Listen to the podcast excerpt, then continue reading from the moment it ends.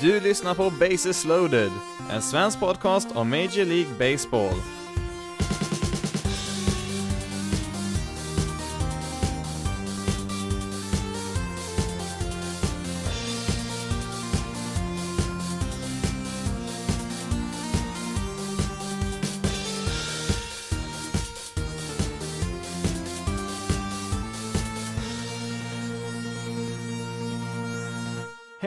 Välkommen till veckans avsnitt av Bases loaded, en svensk podcast om Major League Baseball. I det här avsnittet så blir det lite grann från veckan som gick. Eh, har väl inte hänt sådär jättemycket eftersom att det var All-Star-veckan här så att eh, man har väl inte spelat sig jättemycket matcher och så men eh, lite saker har ändå hänt här och så blir det lite extra fokus då på American League East, eh, den sista divisionen vi har att gå igenom här nu och så blir det även lite tv-tider där på slutet.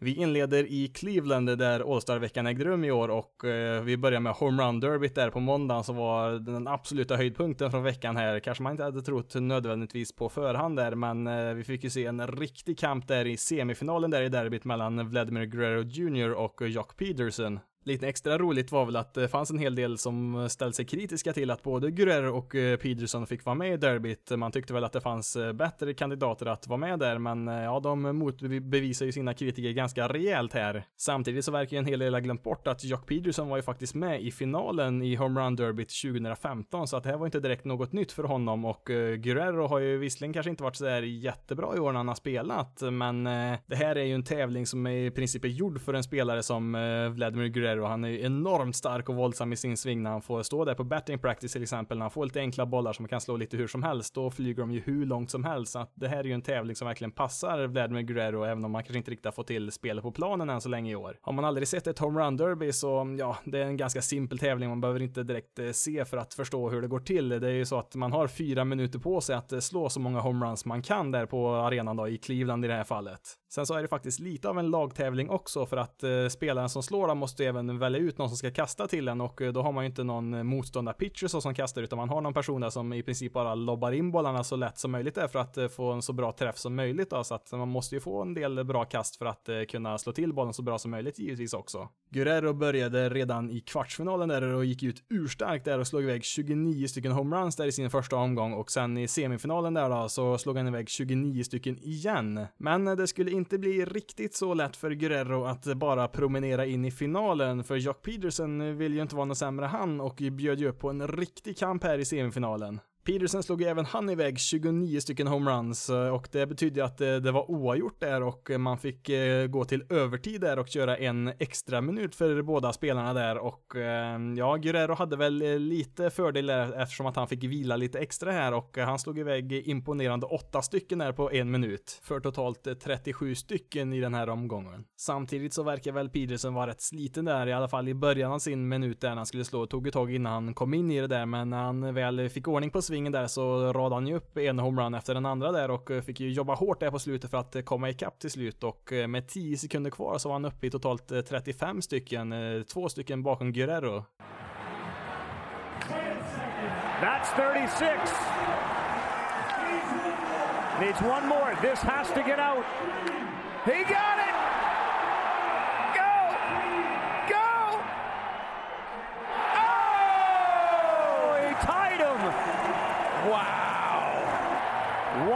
Guerrero keeps raising the bar and Peterson keeps finding it.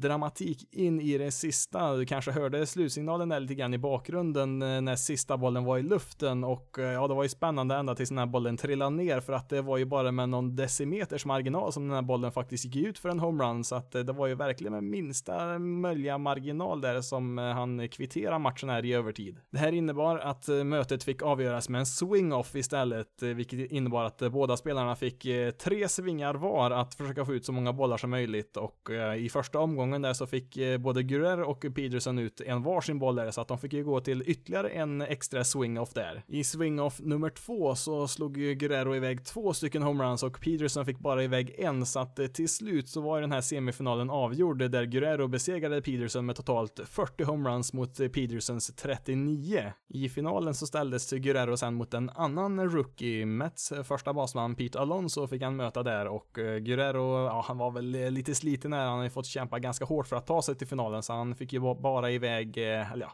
bara och bara, men 22 stycken homeruns här i finalen så att eh, han orkar väl inte riktigt med här. Och eh, Pete Alonso han slog faktiskt iväg 23 stycken så att eh, Pete Alonso tog ju hem titeln där och ehm, ja, nu var ju han en av favoriterna på förhand, det var han ju, men med tanke på den showen som Guerrero visade upp där i både kvarts och semifinal så trodde man väl nog att Guerrero skulle fixa finalen också, men han var väl nog lite för sliten där för att kunna, kunna få iväg sådär många homeruns en gång till där, så att det blev Alonso där till slut som vann homerun derbyt. Även om Alonso hade en liten fördel här med att han var lite mer utvilad än vad Guerrero var i finalen så hade han eh, däremot eh, större problem med eh, sin person som han hade valt ut att kasta bollarna till honom där. För Alonso hade nämligen valt ut sin kusin som aldrig har spelat baseball professionellt. Han hade väl spelat lite grann på high school och college nivå och så, men han har ju varit, inte varit i närheten av att bli draftad eller något sånt där, så att han hade väl lite svårt att kasta till Alonso där i stundtals. Med tanke på att Alonso hade ganska svårt att träffa en del bollar där så kanske han skulle skicka ett kusinens eh, nummer där till deras general manager, för om något lag behöver hjälp i deras bullpen så är det väl New York Mets.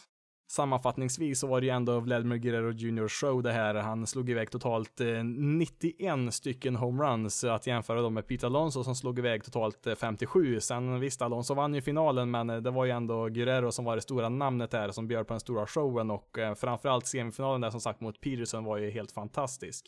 Om vi går vidare till själva All-Star-matchen där på tisdagen sen så, mm, ja, finns väl inte så jättemycket att säga om den. Eh, American League vann där för sjunde året i rad, vilket är lite anmärkningsvärt i och för sig, men eh, i det stora hela inget speciellt så. Shane Bieber, starting pitcher i Cleveland Indians, utsågs till MVP här då inför hemmapubliken. Han var ju faktiskt inkallad som reserv här bara några dagar innan matchen och han fick ju som de alla andra pitchers där en inning och kasta, så han gjorde väldigt bra där så. Det var inte så att han stack ut något speciellt jämfört med alla andra spelare där, så att det var väl egentligen fler spelare som, fler spelare som skulle kunna få den här titeln, men det var väl eh, lite kul att ge en ung hemmaspelare MVP-titeln där inför hemmapubliken.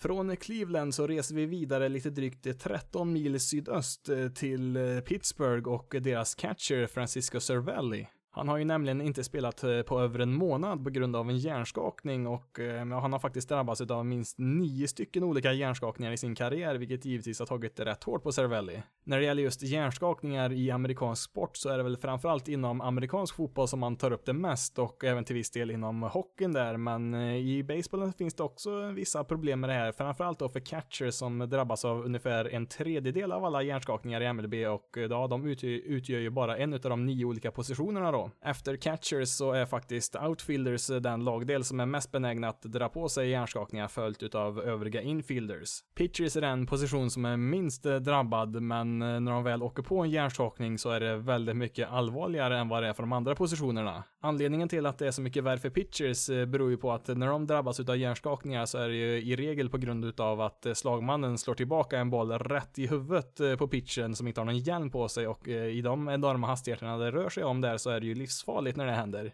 Det betyder ju att the pitchers i genomsnitt får spendera betydligt längre tid på lagens injured list när det gäller just hjärnskakningar jämfört med andra positioner eftersom att det är så pass allvarligt när de väl eh, drabbas. Men om vi går tillbaka till just catchers så är det de som drabbas mest och eh, det är oftast i samband med att eh, slagmannen får slagträff precis på bollen, alltså en foul tip som ändrar bollbanan lite, lite grann som gör att den missar handsken på catchen där och träffar catchens mask istället. Det är där de flesta hjärnskakningarna sker. Sen så finns det lite andra situationer som också är unikt för catchers matchen som också kan innebära hjärnskakningar som exempelvis kollisioner vid hemplattan där. Det kan ju, för sig, man kan ju kollidera vid de andra baserna också, men det är betydligt vanligare där just vid hemplattan. Sen så kan ju även catchen träffas utav baksvingen där på ett slagträ också, så att eh, catchen är ju mer utsatt än någon annan position när det gäller just hjärnskakningar.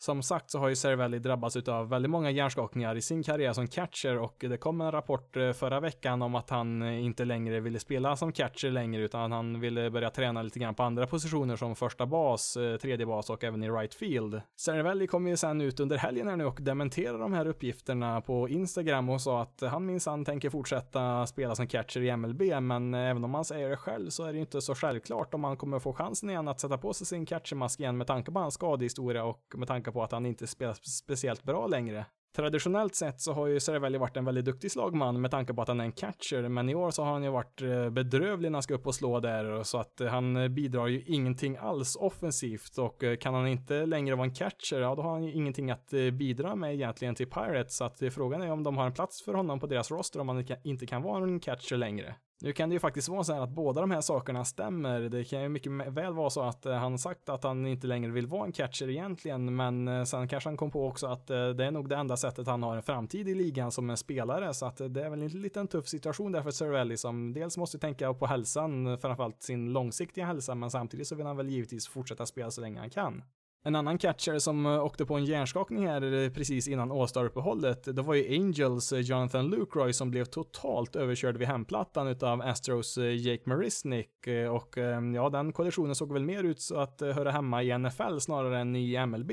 Det här skedde ju då i samband med ett väldigt viktigt skede i den här matchen mellan Astros och Angels i åttonde inningen där matchen var oavgjord just då och Marisnik stod ju på tredje bas där och försökte ju tagga upp där och springa hem på en flyball där från tredje bas och precis när han närmade sig hemplattan där så tog han ett kliv inåt vänster, alltså in mot planen precis där Luke Roy befann sig och eh, det blev ju en väldigt våldsam kollision där och dessutom så träffade ju Murray Snicks axel rätt i ansiktet på Luke Roy så att eh, Luke Roy åkte ju på en rejäl smäll. I och med den här kollisionen så kunde ju inte Luke Roy tagga ut Marisnik där som tekniskt sett kom till hemplattan där men sen så kollade man på repris där och eh, kom fram till där av domarna att eh, Marisnik hade avsiktligt eh, sprungit rätt in i catchen där som inte är tillåtet så att han dömdes ju ut där ändå i just det här spelet. Luke Roy kunde ju inte ens resa på sig själv efter den här kollisionen och dagen efter så konstaterar man att han hade åkt på en hjärnskakning och dessutom en bruten näsa. Och ja, på tal om hjärnskakningar så har han faktiskt drabbats en gång tidigare i sin karriär 2015 när han fick en foul tip eh, rätt i masken så att eh, det är ju då andra hjärnskakningen i hans MLB-karriär i alla fall. Från MLBs sida så vill man ju få bort så mycket som möjligt utav de här eh, kollisionerna vid hemplattan. Det har ju genom åren hänt ganska många allvarliga skador i samband med det så att man införde ju regler för ett tag sedan där som sa att man inte fick springa in i catchen där hur som helst. Så att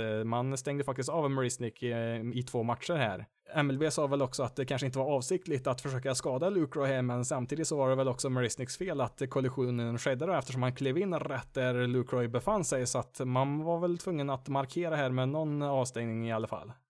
Vi fortsätter med Mackenzie Gore, en vänsterhänt pitcher i San Diego Padres eh, farmsystem som är ett av ligans absolut bästa pitching prospect eh, och han är väl den bästa unga spelaren man har i hela Padres system där och ehm, som jag nämnt tidigare, Padres har det absolut bästa farmsystemet i hela MLB så ligger man etta där, ja då är det en ganska bra spelare vi pratar om. Efter att ha kastat 80 innings i år med en ERA på 1,02 så har han då flyttats upp till eh, Padres AA-lag och det finns faktiskt bara en enda starting pitcher i alla minor League-lag som har en lägre ERA än Gore och eh, det är då förra årets eh, första draftval Casey Mai som har en ERA på 0,92 just nu.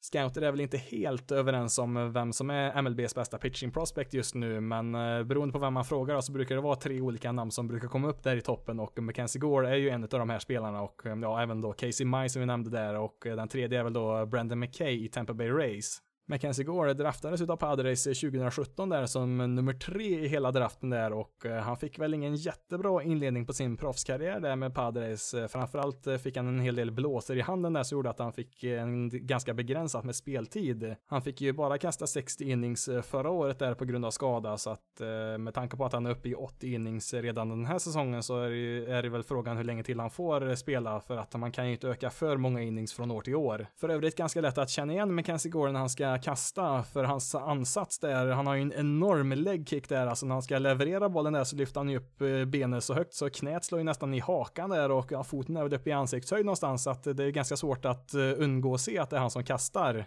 Nu kommer det väl nog inte hända den här säsongen, men han lär väl inte heller vara så här jättelångt ifrån sin MLB-debut om allt går som det ska det här nu. Jag skulle nog kunna tro att Mackenzie Gore finns med på Padres eh, MLB-roster någon gång till eh, nästa säsong. Men i nuläget så får han nog eh, nöja sig med att slutföra säsongen i AA med Amarillo Sod Poodles i norra Texas. Då kan man ju undra vad i all världen är det här för ett namn på ett baseballlag, Amarillo Sod Poodles? Ja, Amarillo är ju då staden man spelar i, alltså Padres eh, AA-lag. Eh, bor ett par hundratusen personer här och eh, för övrigt så är det ju också hemmet till den fabrik som huvudsakligen bygger och plockar isär USAs atombomber. Eller ja, nu ligger det väl några mil utanför staden då. Det är väl inte jättepraktiskt att ha en atombombsfabrik mitt i en tätbebyggelse. Men då var det ju också Sod Poodles. Vad är det för något? Ehm, ja, det är ju så här att det här laget flyttade ju till Amarillo ganska nyligen från San Antonio och då hade man dels någon omröstning forskning och även någon PR-firma som fanns med där och gjorde lite forskningar om området där kring Amarillo och eh, då var ju Sod Poodles ett av förslagen där. Det visade sig att man hittade någon referens där till något hundra år gammalt smeknamn för präriehundar som finns där i området, eh, alltså då Sod Poodle, men eh, det var inte direkt något som användes i nutid för att lokal media var ju tvungna att gå ut och skriva massa artiklar och förklara vad det här faktiskt var för någonting för att det var ingen i, i den nutida befolkningen som direkt hade koll på vad det var för någonting. Till en början så var väl lokalbefolkningen inte så jättepositivt inställda till det här namnet och undrar väl egentligen om de som drev det här laget var helt kloka egentligen, men med tiden så började ju folk gilla det här mer och mer och det anordnades väl diverse aktiviteter i staden kring det här namnet och även en del reklamkampanjer från en del företag och eh, ja, det skrevs ju även sånger om, om det här nya laget så att eh, det blev väl ganska populärt rätt snabbt till slut ändå. Det har väl varit lite grann av en trend på sistone att eh, lag i Minor League Baseball byter, ja de byter namn till ganska udda saker som en liten PR-kampanj skulle man kunna säga för att locka logga till sig mer fans eh, och ehm, ja i New Orleans har man bland annat eh, New Orleans Baby Cakes och ett av de nyare Minor League-lagen kallar ju sig för Rocket City Trash Pandas så att ehm, ja det finns en del ganska knepiga namn där i Minor League-systemen. Well, they ain't just like a little yipping dog, a little bit smaller than a big groundhog. They run real wild and they smile all the time. Used to be called prairie dogs, but that won't work for double A ball when it's the bottom of the ninth and the game is on the line. They are the sod poodles, sod poodles, that's right, they are the sod poodles. And when you come to our rough and rugged town, you might laugh and point and say, Oh lordy, man, their name's insane. But you won't be laughing when you get beat down by the sod poodles, sod poodles. That's right, they're called the sod poodles. You won't be laughing when you get beat down by the sod poodles, sod poodles. That's right, they're called the sod poodles. Cheer 'em on so they don't stay underground.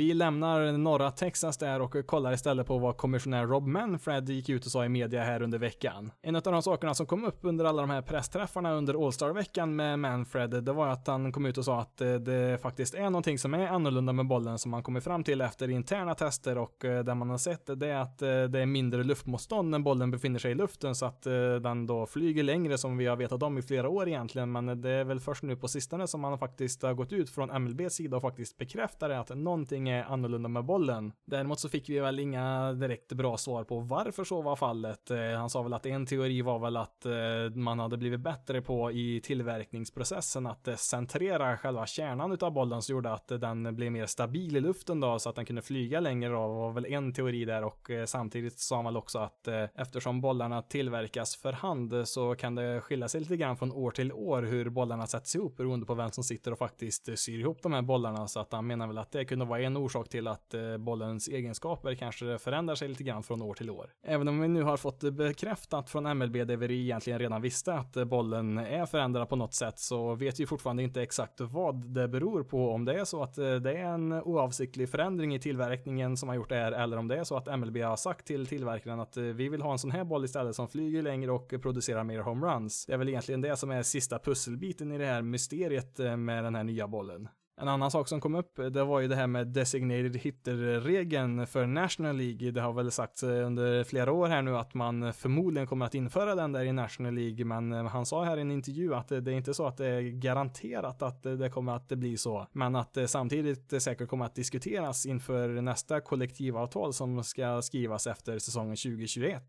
På tal om just kollektivavtal så kommer väl kanske den största punkten där vara free agency. Framförallt eh, spelarfacket vill ju lyfta den här frågan eftersom att det har varit väldigt segt eh, för spelare som är free agents de senaste åren att hitta ett nytt lag att spela för. Lagens eh, front office har väl blivit bättre på att spendera pengar på rätt ställe skulle man väl kunna säga. Man vill inte satsa allt för mycket pengar på sådana spelare som är strax under eller strax över 30 som inte kommer bli så mycket bättre i sin karriär utan man vill, vill väl hellre satsa på yngre billiga billigare spelare så att Free Agents har väl haft det ganska svårt att eh, få något större kontrakt eh, på sistone. Det var väl betydligt vanligare för ett antal år sedan att eh, spelare över 30 kunde få ganska långa och dyra kontrakt, men när man ser resultaten där på framförallt spelare som Miguel Cabrera i Tigers och Albert Pujols som, som tjänar så mycket mer än vad de faktiskt presterar så är det väl inte så konstigt att lagen är lite mer restriktiva i de här stora kontrakten. Lösningen skulle väl då vara att spelare skulle kunna få bli free agents lite tidigare för att väldigt många är ju någonstans runt eh, 30 första gången de blir free agents och eh, då finns det inte så jättemycket utrymme för att eh, få så mycket mer stora kontrakt där så att från spelarnas sida så vill de nog kunna lägga free agents lite tidigare i sin karriär. Sen så är det ju upp till lagen då om de ska gå med på det att bli av med sina spelare tidigare än vad de blir i nuläget. De som drabbas hårdast i nuläget, det är ju inte de här superstjärnorna. De får ju sina kontrakt i, i regel. Vi såg ju i vintras fick ju både Machado och Harper sina stora kontrakt där. Men eh, det är mer de här här hyggliga spelarna som drabbas, alltså de man kallar för medelklassen av spelare. De eh, får ju väldigt få kontraktserbjudande och eh, om de väl får något så är de ju väldigt, eh, väldigt låga summor det rör sig om. Många av de här lite äldre hyggliga spelarna som egentligen skulle ta en plats på en MLB-roster ganska lätt egentligen som ordinarie spelare. Då får ju ofta nöja sig med ett minor League-kontrakt som inte garanterar några pengar alls och om de väl hamnar på en MLB-roster så rör det sig om några enstaka miljoner dollar. Exakt vad man kommer komma fram till inför kollektivavtalet 2021, det är alldeles för tidigt att säga just nu, men eh, Manfred då som representerar eh, samtliga klubbägare egentligen, han har ju gått ut och nämnt lite här och där att eh, ja, vi kanske skulle kunna införa ett lönetak för att lösa en del av de här situationerna, men det har jag nog väldigt svårt att se att spelarfacket skulle gå med på att begränsa hur mycket varje lag får spendera på spelare.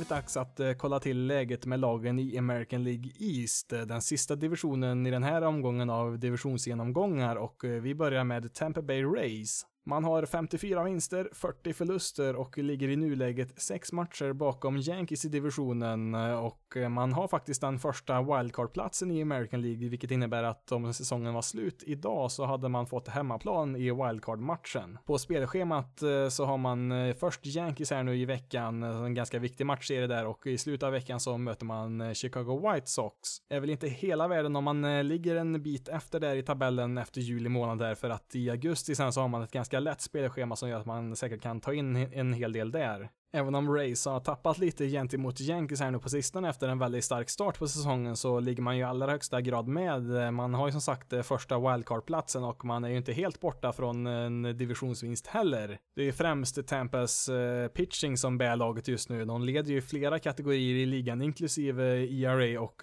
wins above replacement för pitchers. Det är ju också lite extra imponerande med tanke på att deras regerande Cy Young-vinnare Blake Snell har varit långt ifrån samma pitcher i år som han var förra året och eh, ja, han har väl eh, ärligt talat varit deras sämsta starting pitcher så här långt i år, i alla fall utav de som har startat regelbundet. Dessutom så har man ju fått klara sig utan sin supertalang Tyler Glasnow som eh, kanske var ligans bästa pitcher de första veckorna där, men han hann ju bara med åtta matcher där innan han blev skadad och eh, ja, det var ju ett tag sedan den skadan skedde där så att eh, man har ju fått klara sig ett bra tag som sagt utan Glasnow som förhoppningsvis ska komma tillbaka innan säsongen är slut. Istället så har ju Charlie Morton fått kliva fram i deras ställe där som en Cy kandidat som vi nog ändå måste säga att han är. Han har ju varit väldigt imponerande i år efter att ha skrivit på som eh, free agent här nu i vintras. Eh, visst, eh, man trodde väl att han skulle vara bra, men så här bra vet jag nog inte om någon trodde att han skulle vara. Kanske mest imponerande med Charlie Morton just nu, det är att han tillåter så pass få homeruns i så här homerun-glada tider som det är just nu i MLB. Han har faktiskt inte tillåtit så här få homeruns eh, sen sedan säsongen 2014 och eh, då spelar man ju med den här gamla bollen innan man förändrar den och ja, det är väldigt imponerande med tanke på att eh, i stort sett alla pitchers tillåter ju mer och mer homeruns nu för tiden. En liknande historia i Race Bullpen, det har vi ju med Emilio Pagan som kom i en trade här under vintern och han har också sett en kraftig nedgång i antal tillåtna homeruns, vilket eh, som sagt är väldigt eh, knepigt, eh, framförallt i år när man slår homerun-rekord varje dag i princip.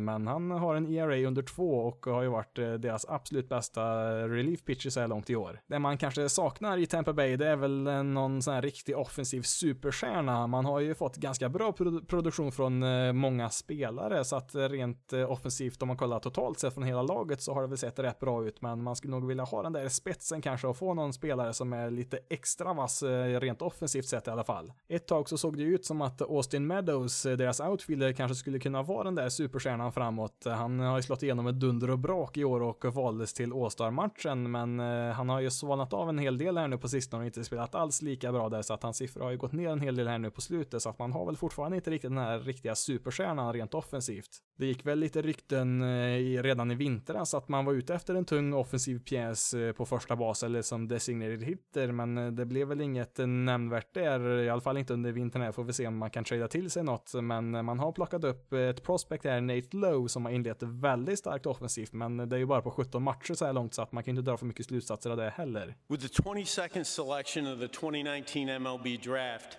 the Tampa Bay Rays select Greg Jones, a shortstop.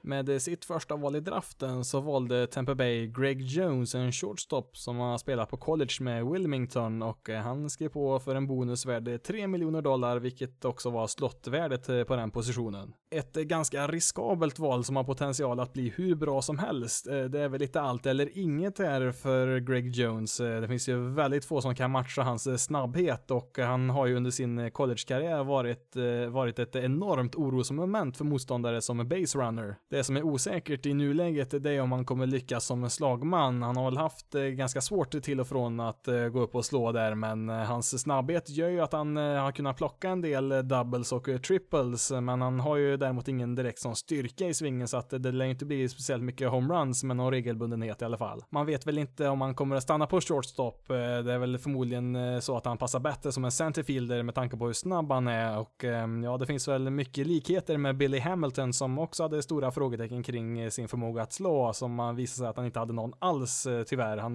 Billy Hamilton är ju också väldigt snabb och eh, en bra centerfielder, men så mycket offensivt kan, kan han ju inte bidra med och det finns väl en viss risk att det, det kan vara samma sak med Greg Jones, men ja, man får väl hoppas för Tampa Bay Rays sida att han kan hitta lite offensiv potential här. På trademarknaden så lär ju Tampa Bay vara ganska aktiva skulle jag tro. Man har främst eh, kopplats ihop med pitchers faktiskt, även fast man har lyckats väldigt bra med de man har. Ett av de namnen som har nämnts eh, flest gånger det är ju Detroit Tigers starting pitcher Matt Boyd som har fått ett rejält genombrott i år. Han har ju också tre år utav kontroll kvar efter den här säsongen så att han kommer ju vara väldigt dyr om någon vill få tag på honom. Det sägs även att de är ute efter relief pitchers. Eh, man var ju faktiskt med och bjöd där på Craig Kimbrell där innan han skrev på för Cubs och ett eh, annat namn som man har kopplats ihop med det är en annan Tigers-pitcher eh, där, Joe Jimenez, eh, som tidigare varit, ja, tidigare omnämnt som Tigers framtida closer, men han har väl inte riktigt fått de här framgångarna på MLB-nivå än så länge. Även om Jimenez inte varit så jättebra i år så har han ju faktiskt kontrakt fram till 2023, så att det finns ju många år där att utveckla honom på och han har ju redan nu förmågan att strika ut väldigt mycket motståndare. Däremot så tillåter han lite väl mycket homeruns, Eh, men eh, det kanske finns någon tanke där från Rays sida att eh, om de kan värva till sig honom där så kanske de kan fixa till honom på de här åren. Från Tigers sida så är det väl inte direkt någon panik med varken Jimenez eller Matt Boyd där eftersom att de har kontrakt under så pass många år där så att de kan ju verkligen vänta där på ett trade-paket som de verkligen tycker om där så att det finns ingen garanti att de här två spelarna kommer tradas här nu under sommaren här. Med det sagt så har ju Tampa Bay Rays ett väldigt bra farmsystem och de har väl egentligen tillräckligt med bra unga spelare för att kunna kunna trada till sig vilken spelare som helst. Eh, det är väl bara frågan vad de är villiga att eh, göra sig av med. Ett hinder för Race, eh, det är ju deras låga budget för löner. Man letar väl därför kanske främst spelare som fortfarande är på sina rookie-kontrakt eller tidigt i arbitration som inte kostar så mycket. Alternativt kanske spelare som blir free agent efter den här säsongen så att man inte behöver lova så mycket pengar in i framtiden så att man är väl kanske lite begränsad utav det också. Jag tror nog att man kan nå slutspel med den truppen man har eh, här och nu, men eh, med tanke på att eh, de andra slutspelslagen förmodligen kommer att förbättra sina trupper så lär väl inte Tampa Bay stå på sidan här och titta på när de andra förbättrar sig och inte göra någonting. Personligen då, utan att vara insatt i vad Race Front Office tänker så skulle jag väldigt gärna vilja se en vass slagman till här som vi nämnt tidigare, förmodligen då på första bas eller som designated hitter då. Eh, egentligen så är det väl bara på shortstop eh, med Willie Adams där som man har lite sämre offensiv produktion, men eh, han är ju för sig väldigt bra defensivt där så att det är inte hela världen där, men jag, jag tror nog ändå man behöver en sån här riktig, ja kanske inte superstjärna, men en riktig vass slagman till där skulle nog inte skada där i deras lineup. Nästa lag är då Baltimore Orioles. Eh, 28 vinster, 64 förluster så här långt. Eh, har 31 matcher upp till första platsen där Yankees ligger och sen så har man ju då 6 eh, matcher upp till Blue Jays på fjärde platsen. På spelschemat har man under veckan matcher mot Nationals och Red Sox och kollar vi på resten utav juli månad så möter man egentligen bara lag med slutspelsambitioner så att det kommer nog vara rätt tufft här nu i juli. Ja, nu har väl i och för sig hela säsongen varit rätt tung för Orioles, men eh, tyngre än vanligt då kanske det blir här de närmaste veckorna. Ja, vad ska man säga om en Baltimore egentligen då? De är ju så långt ner på botten som man egentligen kan befinna sig just nu i sin rebuild och det var väl ingen större överraskning heller, men det är ju fortfarande inte speciellt vackert att titta på. Det är ju bara att kolla på deras starting rotation. Man har använt 14 stycken olika starting pitchers eh, och visst, eh, nu är väl ett par stycken av dem openers där som kanske inte ska räknas med dem, men eh, har man använt så mycket starting pitchers på en dryg halv säsong så är det ju förmodligen någonting som inte går bra.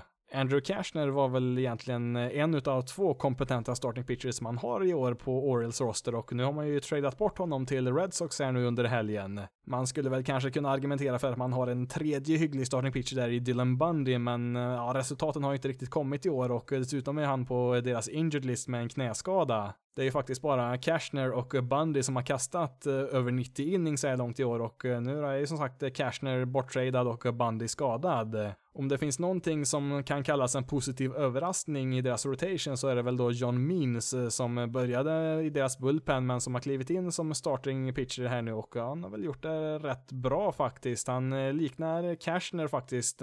Båda två har ju väldigt få strikeouts men samtidigt så indikerar ju båda de här två spelarnas siffror på att det är deras ERA ligger lite väl lågt jämfört med hur de faktiskt presterar. Eh, John Means har ju faktiskt en ERA på 2,5 just nu som jag skulle bli förvånad om den stannar så lågt eh, när säsongen summeras där sen i september. Man har ju en väldigt, väldigt tunn roster. Det är ju väldigt få namn man känner igen som etablerade MLB-spelare, utan det är ju egentligen eh, många AAA-spelare här egentligen som får starta för Orioles och eh, visst, det gör väl ingenting att man eh, testar på lite spelare och eh, ser vad de faktiskt går för och eh, man kanske kan hitta någon eh, sån här oslipad diamant här som man inte visste att man hade, men i regel så har det ju inte sett speciellt bra ut. Man har väl fått ut någon sån här spelare som har spelat rätt okej, okay, men det är ju inte direkt några av morgondagens stor storstjärnor vi har sett på Orioles eh, roster så här långt i år. Du kanske kommer ihåg eh, Chris Davis där, deras väldigt välbetalda första basman som inledde säsongen rekorddåligt. Eh, han slog ju rekord där i antal matcher utan, eller antal plate appearances där utan att få till en enda hit där och eh, ja, det såg ju helt hopplöst ut. Sen så kom det ju en rejäl formtopp där på några veckor och det såg ju stundtals ut som han kanske var tillbaka till någonting som liknar den här gamla storspelaren som, som vann homerun-titeln i MLB för några år sedan, men det har ju gått utför igen efter den där lilla formtoppen. Han har ju slashline på 1.84, 2.68, 3.21. Visst, nu blockerar han väl ingen där på första bas direkt så, men frågan är ju om han blir kvar på Orioles roster nästa år där, även om han har mycket pengar kvar på sitt kontrakt. Det finns faktiskt bara två stycken spelare i hela MLB som varit eh, sämre än Chris Davis. Eh, det är ju då Yonder Alonso som nyligen fick sparken från White Sox eftersom han spelar så dåligt och eh, nyligen bänkade Billy Hamilton där i Royals, så att det ser ju inte alls bra ut för Chris Davis. With the first selection of the 2019 MLB draft, the Baltimore Orioles select Adley Rutschman, a catcher from Oregon State University. Orioles hade ju första valet i årets draft och på första platsen så valde man då Adley Rutschman, en catcher som han spelar för Oregon State på college-nivå och eh, han skrev på för 8,1 miljoner dollar, vilket var ungefär 300 000 dollar under slottvärdet det fanns väl egentligen bara en spelare för Orioles att eh, välja. Man hade väl gått ut och sagt att man kanske var lite intresserad av eh, Bobby Whitty Jr. där som gick som nummer två där till Royals, men eh, Rutschman var ju den överlägset bästa spelaren på förhand i den här draften. Det sa sig också på förhand att det här är den bästa spelaren i draften på många, många år och eh, ja, han är ett komplett paket egentligen. En switch hitter som är väldigt bra som slagman från båda sidorna och en riktigt, riktigt bra catcher också dessutom. Som jag nämnde tidigare så har ju inte Orioles roster någon av morgondagens eh, stjärnor just nu, men eh, det blir ju istället då Rutschman som blir deras ansikte utåt under deras rebuild. Det är ju han man ska bygga kring för att få ihop deras nästa slagkraftiga lag. Rutschman presenterade sig på allvar för baseballvärlden eh, förra året eh, när han hade en fantastisk college-säsong där och han eh, bar ju sitt Oregon State där nästan helt själv till en College World Series-titel. Han var helt fantastiskt bra där under slutspelet. Fortsatt på samma spår även i år, även om de inte gick till slutspelet där, men individuellt sett så har han ju varit väldigt bra även i år och ja, han var ju det självklara valet här på val nummer ett.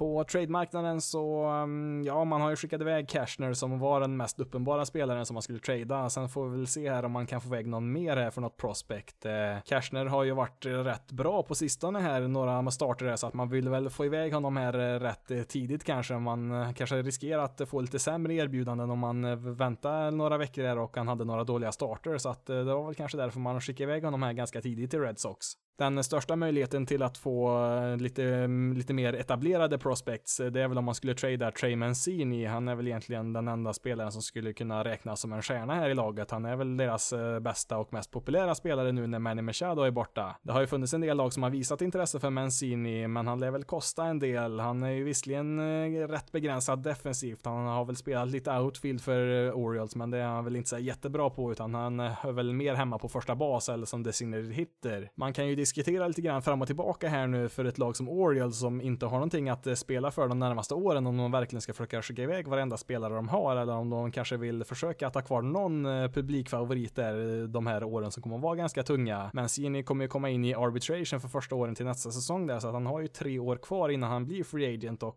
Ehm, ja, man kanske vill ha ett välkänt ansikte kvar där för den, de få personerna som faktiskt är i publiken där för Baltimore. Med tanke på att han har så pass många år utav kontroll kvar där och att han är en utav av få bra spelare man har där så är det ju frågan om något lag eh, vill villiga att betala det priset som kommer krävas för att eh, få loss Mancini.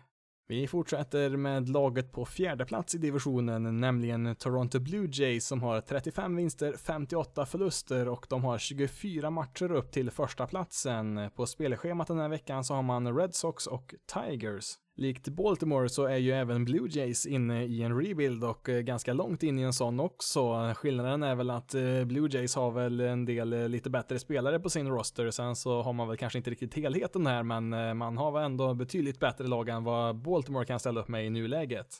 Förra gången vi hade genomgång på American League East och eh, kollade på Blue Jays så skickade man ju ner Lourdes Gurriel Jr till AAA där. Han eh, tappade ju helt förmågan där att eh, spela försvarsspel. Han var ju väldigt darrig där och kunde ju knappt kasta bollen till första bas där och det var ju en del andra errors där också. Samtidigt så var han ju rätt bedrövlig offensivt också så att man skickade ju ner honom där efter någon månad till AAA där för att få ordning på spelet där. I hans ställe där på andra bas så kallade man upp Eric Sog Bogard, en 33-åring som egentligen aldrig varit mer än en bänkspelare det senaste årtiondet. Han har väl haft någon hygglig säsong här och där, men i regel har han väl varit rätt dålig. Han har väl främst kanske varit en defensiv ersättare och eh, de senaste två åren så har han ju fått nöja sig med minor League-kontrakt. Med andra ord, eh, långt ifrån en optimal inledning på säsongen för Blue Jays på just andra bas. Eh, men om vi kollar hur det ser ut i laget just nu och eh, kollar vem som leder i VRC plus och wins above replacement Jo, då har vi på listan Eric Sogard och Lourdes Guriel Jr.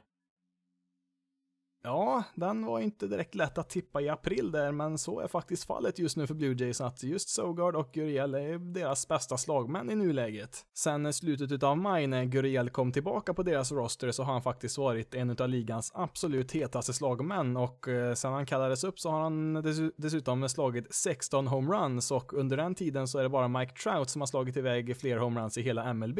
Eric Sogard har en slashline på 297, 366, 478 så här långt i år och visst det är väl inga så här supersiffror så men det är ju betydligt bättre än vad de flesta andra spelarna i Blue Jays kan prestera och eh, framförallt eh, betydligt bättre än vad han någonsin har presterat i sin karriär. Nu ska man ju självklart inte dra för mycket slutsatser när det gäller homerun-rekord i år men eh, det är ändå värt att notera för Sogard att på de 1700 plate appearances som han hade innan den här säsongen så har han totalt slagit iväg 11 homeruns.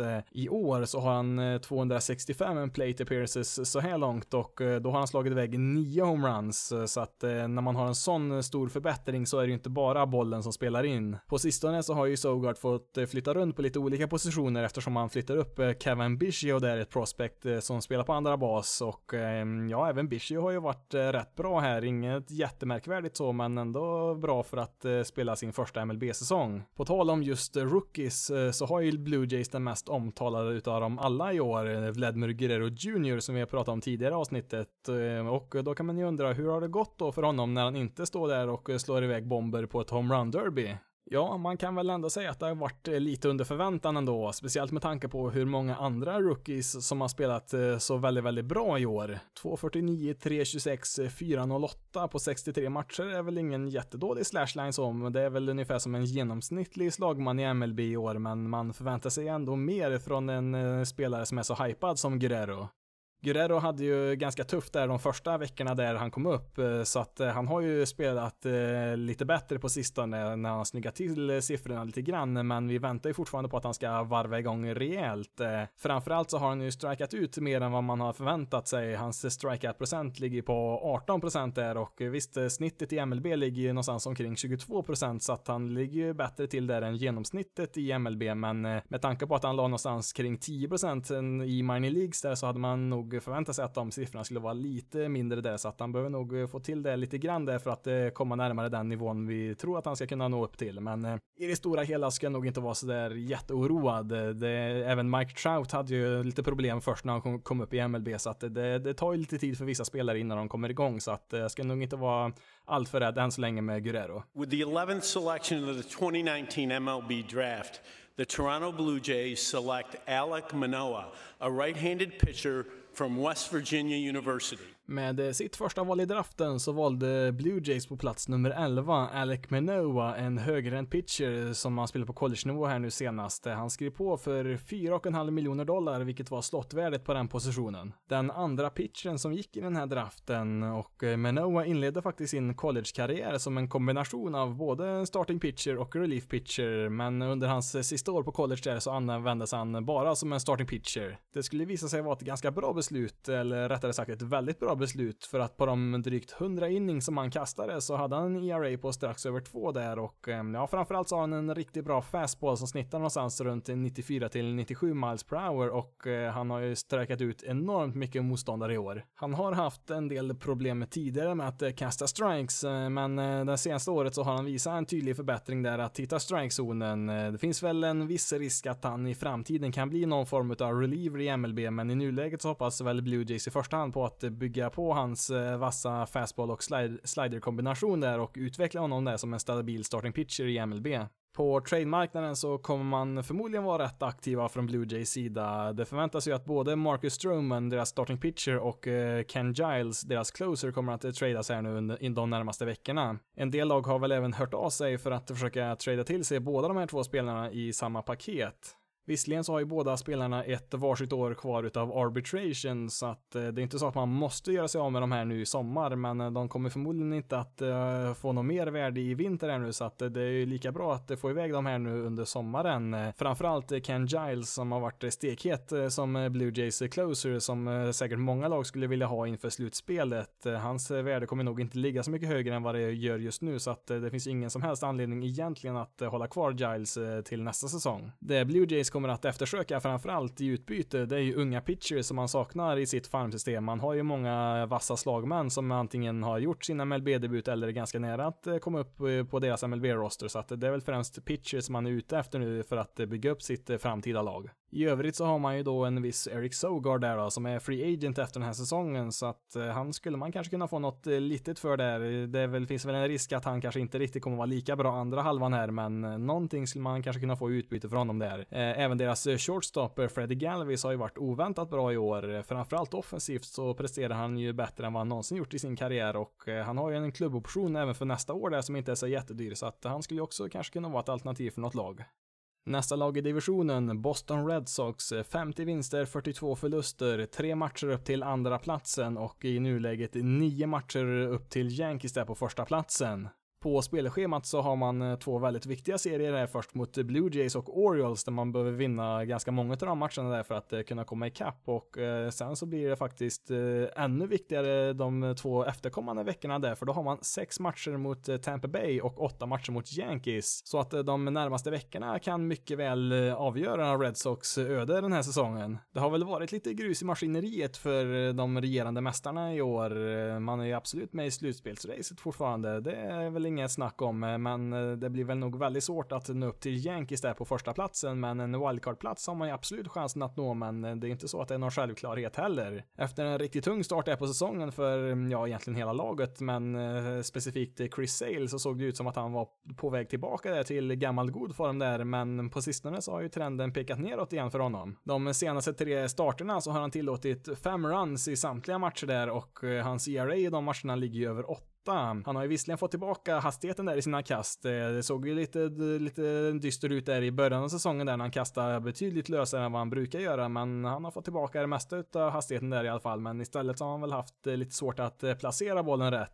Hans statistik är väl inte katastrofal, men den är ju långt ifrån okej okay för att vara för, för den spelaren som ska vara lagets ace. Han strikar väl ut ungefär lika mycket spelare som tidigare i år, men hans walks har väl gått upp lite grann, fortfarande under snittet i ML MLB, men ändå gått upp lite. Eh, sen så kan man väl i och för sig säga om alla pitchers att de tillåter betydligt mycket mer homeruns, men eh, det har ju satt sina spår i, i sales eh, prestationer så här långt i år. Med andra ord så har det väl inte gått sådär jättesmidigt eh, på det första året eh, på hans nya femårskontrakt som han skrev på eh, här inför säsongen. Men det finns ju lång tid kvar där att förbättra resultaten. Men med det sagt så har man ju gått 6-13 i de matcherna som Sale har startat i år från Red Sox sida, så att det är ju långt ifrån optimalt. Deras rotation har ju fått en hel del välförtjänt kritik, absolut, men att den är inte så här horribel som det kanske låter ibland. Det är väl kanske mer för att de är regerande mästare och inte direkt presterar på ett tillräckligt hög nivå som de får lite extra kritik och så, men det finns ju ändå en del ganska bra namn här. Sen så har väl de inte riktigt fått med sig resultaten i år i och för sig. Även deras Bullpen har väl fått en hel del kritik och visst, de har ju 18 stycken blown saves så här långt i år och det är väl egentligen bara Mets då som har fler utav dem, men eh, jag tycker ändå generellt sett att det finns betydligt eh, fler lag som har värre situationer i deras Bullpen. Sen så är det väl kanske lite samma sak där, att som regerande mästare så förväntas det väl lite mer. Sen så har man väl även drabbats där i deras Bullpen av att att eh, få kasta lite väl många innings. Eh, visst, det finns en del bullpen som har kastat eh, fler innings än Red Sox, men många av de lagen som ligger före där använder sig av openers, så att det snedvrider ju statistiken lite grann där, så att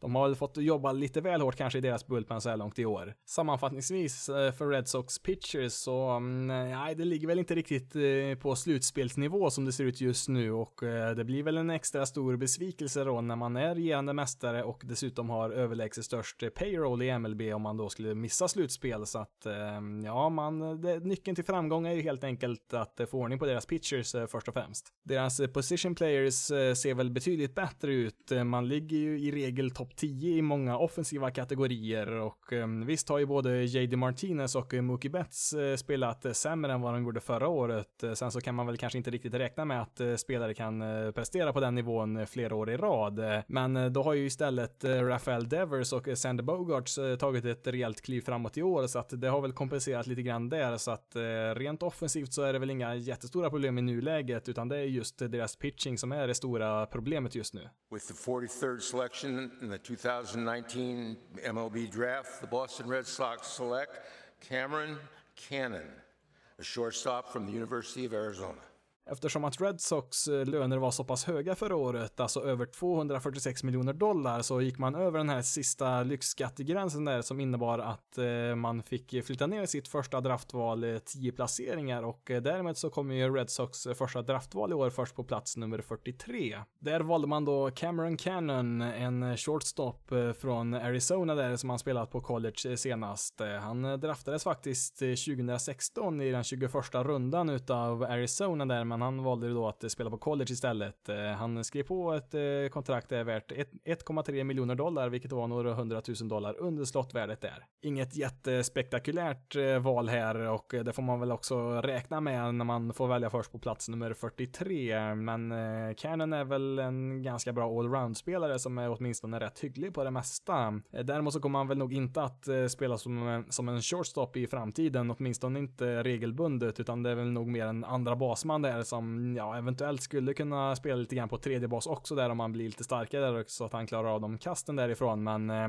han har väl ett, eh, en ganska hög lägstanivå. Sen så har han väl inte de här höga topparna däremot, men han ska väl ha potentialen i alla fall att kanske kunna vara ordinarie som en andra basman i MLB där om man kan få ordning eh, på svingen där lite grann. Han har väl förmågan att slå för ett rätt hyggligt average där. Sen så har han väl eh, inte kanske så jättemycket styrka där som han behöver jobba på, men eh, om inte så kanske han kan ta plats som en utility infielder i framtiden där, så att eh, man kommer nog kunna få någon användning för Canon i framtiden. På trademarknaden så har man ju då som sagt redan varit eh, lite aktiva här som vi nämnt tidigare. Orioles starting pitcher Andrew Cashner tradar man ju till sig och ehm, ja, man gav väl inte sig jättemycket för honom. Eh, eh, man skickar väl iväg två stycken 17-åringar där från Venezuela där, ganska okända prospects som helt enkelt får byta organisation där i den dominikanska sommarligan där som de spelar i just nu. Orioles kommer dessutom att betala ungefär hälften av Cashners kvarvarande kontrakt. Han har väl totalt ungefär 3 miljoner dollar kvar så att Orioles ska väl stå för ungefär hälften där för Red Sox ligger ju farligt nära den här sista gränsen som vi nämnde där i lyx, eh, lyxskatten där. De ligger precis under 246 miljoner dollar just nu så att de vill väl försöka att inte gå över den gränsen så att eh, Orioles fick, Orioles fick väl helt enkelt betala lite grann där så att de inte skulle gå över den gränsen. Cashner kan bli free agent efter den här säsongen men han, men han har även en option i sitt kontrakt som säger att om man kommer upp i ett visst antal innings så får han förlänga sitt kontrakt där eh, med ett år till värt 10 miljoner dollar och för att eh, komma upp i den gränsen där och så behöver han kasta ungefär 90 innings till i år och ehm, ja, är han frisk i resten av säsongen så eh, kanske han kan komma upp i den eh, gränsen där och förlänga sitt kontrakt där med ytterligare ett år.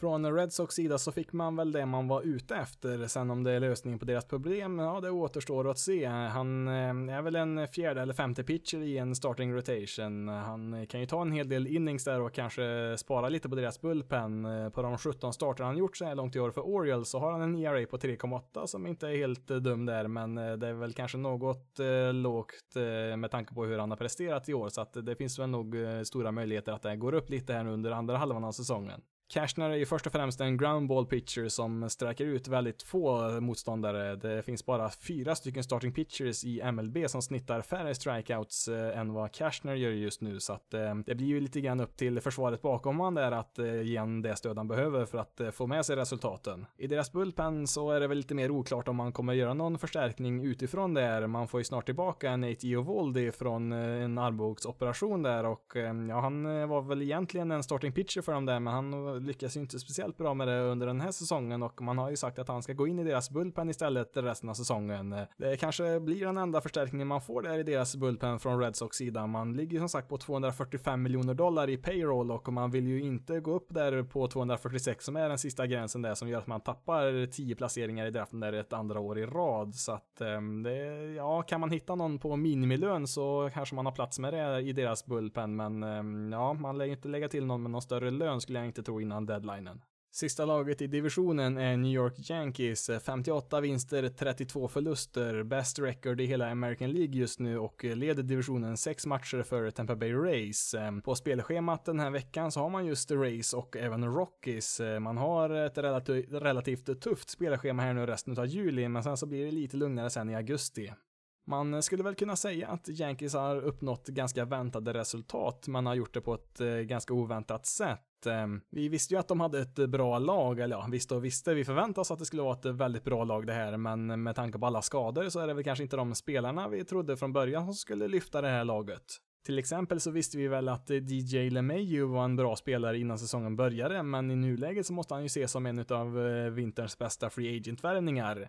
Hade inte Mike Trout eh, spelat i American League så hade ju LeMayu absolut varit med i diskussionerna kring en MVP-titel i år. Som sagt har man ju varit väldigt imponerande under första halvan här med alla de skadorna som drabbade laget eh, och nu när de flesta kommit tillbaka där så ångar man ju på där i toppen och har en ganska komfortabel ledning i nuläget där sex matcher för a race. Dessutom så har man ju potentiella förstärkningar internt i form av Luis Severino och Dallin Betances som inte har spelat någonting alls i år. De har ju varit skadade hela säsongen här, men jag tror båda här nu senast eh, har börjat kasta lite grann så att eh, de kanske kan komma tillbaka här nu innan säsongen tar slut och ehm, ja, kommer de här två tillbaka i någorlunda liknande form som de har varit i tidigare så är det ju absolut en förstärkning både i deras rotation och i deras bullpen. Sen så har vi då Giancarlo Stanton som har spelat några enstaka matcher i år, men mest mestadels varit skadad. Han kan väl också eventuellt vara tillbaka innan säsongen tar slut där, så att eh, kommer han även tillbaka där så är det ju lite extra krut offensivt där också. En annan liten överraskande spelare är ju Brett Gardner, en annan outfielder som eh, en del var väl lite förvånade över att han fick ett nytt kontrakt i år där, men med alla skador i deras outfield så har ju 35-åringen varit guld värd där för sin, eh, dels för sin flexibilitet där i deras outfield och även stått för en stabil offensiv produktion. Inte på något sätt varit någon superstjärna eller så, men eh, med tanke på hur skadedrabbat man var där ett tag så var det nog ganska viktigt att ha med en Gardner där i deras trupp under den tiden.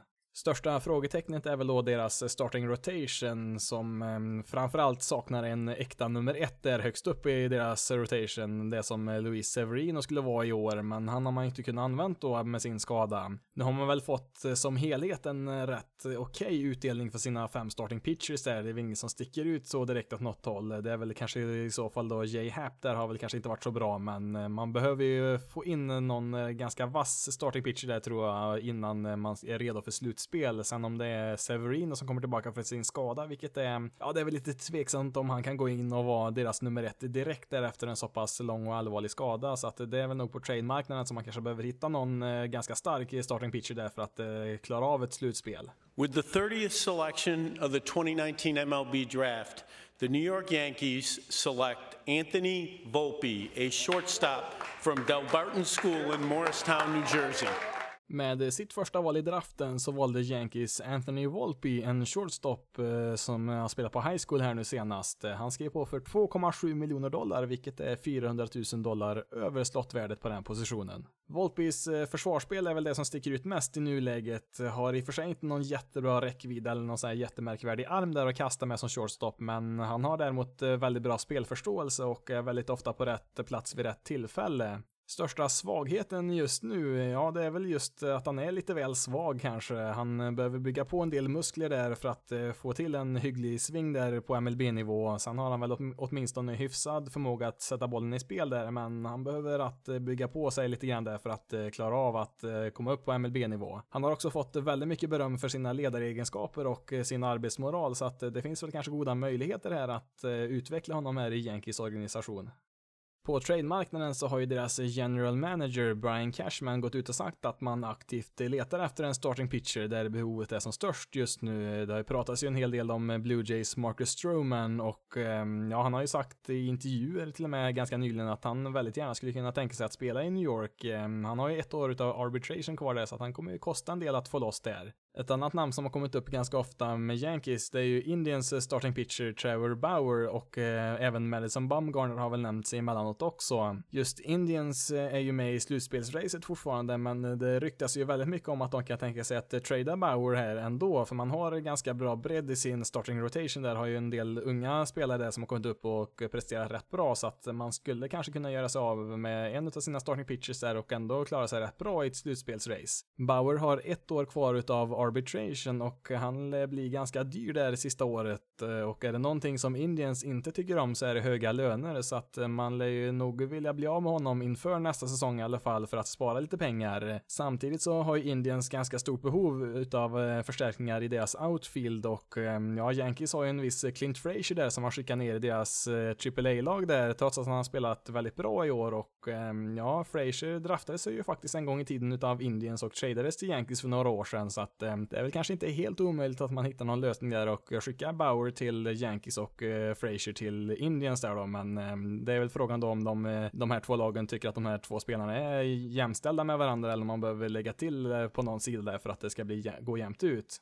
Det skulle väl kanske inte heller skada om man kunde hitta någon mer vänsterhänt slagman. En stor majoritet utav den offensiva slagkraften man har just nu kommer ju från högersidan där i Yankees, så att eh, kan man få in någon mer där som är rätt vass eh, offensivt så skulle nog eh, det hjälpa en hel del där i deras lineup.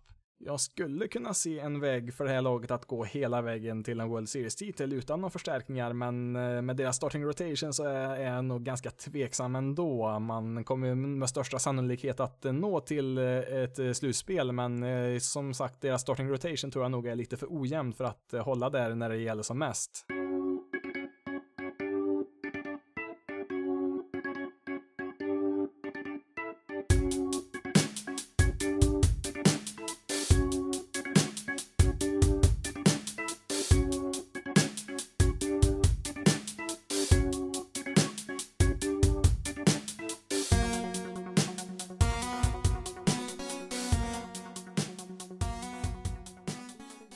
Vi lite tv-tider från veckan här och vi börjar här på måndagen den 15 juli, samma dag som det här avsnittet kommer ut på, så spelar Giants mot Rockies eh, vid klockan åtta där på kvällen och eh, den kan du bara se på MLB TV. Sen så får vi hoppa till onsdagen den 17 juli och där har vi faktiskt eh, sex stycken matcher som startar tidigt. Det börjar klockan sju där med Mets mot Twins och den kan du se på både TV3 Sport och på Viaplay. Vid samma tid så kan du även se Pirates mot Cardinals. Eh, vid klockan åtta sen så kan du se Braves mot Brewers och eh, gratismatchen den här dagen på MLB TV, den startar 20 över 8 mellan Reds och Cubs. Eh, sen vid nio tiden kan du se Giants och Rockies igen där och vid halv tio så startar Mariners mot Oakland. På torsdagen den 18 juli så börjar det redan vid klockan sex där med Padres mot Marlins och en halvtimme senare där vid halv sju så kan man se Dodgers mot Phillies där ett riktigt intressant möte. Klockan sju så kan man se Blue Jays mot Red Sox och eh, vid samma tid kan man även se White Sox mot Royals. Eh, för övrigt så kan man även se Blue Jays och Red Sox match där på TV3 Sport och Viaplay. På fredagen den 19 juli har vi bara en tidig match där, Padres mot Cubs som startar 20 över 8 och förutom på MLB TV så kan du även se den matchen på TV3 Sport och eh, Viaplay. På lördagen den eh, 20 juli har vi tre matcher som startar tidigt och eh, den första börjar klockan sju där mellan Rockies och Yankees och eh, den kan man se på Viaplay och är även gratismatchen på MLB TV. Sen så kan man återigen se Padres mot Cubs 20 över 8 och vid 10 tiden så startar Mets mot Giants och den sista matchen där kan man även se på Viaplay. 21 juli på söndagen är det som vanligt så att matcherna startar innan midnatt svensk tid och det är bara en match som inte inte gör det och det är ju då Nationals mot Braves där på söndag som man får sitta uppe klockan ett på natten om man vill se dem. Men övriga lag kan man då se mellan klockan sju och tio på kvällen. I Viaplays tablå där för söndagen så ser det lite knepigt ut där för att eh, Brewers mot Diamondbacks har man sagt att man ska sända där, men starttiden står som klockan två på natten. Men eh, matchen startar i verkligheten klockan tio svensk tid, så att jag vet inte riktigt hur man har tänkt där om den faktiskt kommer gå live eller om man kör en eftersändning där sent på natten. Sen vet jag inte riktigt varför man skulle göra det på på, eh, på Viaplay där man streamar on demand, men ja, det kan ju hända en hel del. Jag har märkt lite grann där på just Viaplays tablåer när man kollar vad som kommer nästkommande helg, att det inte alltid riktigt stämmer där med tider och vilka matcher man faktiskt sänder, så att eh, har man koll där under veckan så kanske det kommer in eh, någon annan match eller någon ändring i tider där, så att eh, man kan ha lite utkik där under veckan på just Viaplay där på de matcherna. Om man inte har tillgång till Viaplay eller ett abonnemang på MLB TV så sänder ju ändå MLB TV en gratismatch där på söndagen som man kan se oavsett om man har abonnemang eller inte där vid klockan 10 när Marlins och Dodgers spelar. Om man däremot har tillgång till MLB TV som streamar alla matcher så är väl höjdpunkterna där på söndagen vid klockan 7 Cardinals mot Reds. Eh, sen så har vi ett eh, par rätt intressanta möten vid 8 tiden där mellan Rangers och Astros och även Oakland mot Twins. Eh. Ja, det får nog räcka där för veckans avsnitt. Eh, fick väl kanske inte riktigt med alla saker jag ville här, men eh, nu är vi uppe i en timme här så att eh, då får det räcka så att vi inte håller på en evighet här. Vill bara notera lite kort i alla fall Angels fina återkomst till Angel Stadium där första matchen på hemmaplan sen Tyler Skaggs gick bort där och ja, det var ju mycket hyllningar där och mm, ja, alla Angel-spelarna spelar ju i Tyler Skaggs tröja, alltså både hans nummer och med hans namn på ryggen där och ja, Angels kastade ju en kombinerad no-hitter där så att Eh, det var ju en riktigt mäktig match där, både på planen och allt runt omkring där. Familjen var ju på plats och kastade ut första pitchen där, gjorde ju mamman där och efter matchen var det rätt häftigt där när de la ut sina matchtröjor där på kullen där som en sista hyllning där till Skags. Det finns en hel del eh, väldigt fina bilder och videoklipp därifrån det som jag kan rekommendera att man kollar på. Jag såg även här mitt under inspelningen att eh, Royals tydligen har skickat iväg Homer Bailey, deras starting pitcher, till Oakland här i en trade, men det får bli mer om det i nästa veckas avsnitt i så fall. Du kan följa basis Loaded på sociala medier på Twitter, Facebook och Instagram. Då letar du upp basisloaded.se. Loaded SE. Du kan även mejla till eh, basisloadedse gmail.com. Men eh, nu har jag pratat tillräckligt för idag. Mitt namn är Jonathan Fabri. Tack så jättemycket för att du har lyssnat. Ha det så bra där ute så hörs vi i nästa veckas avsnitt.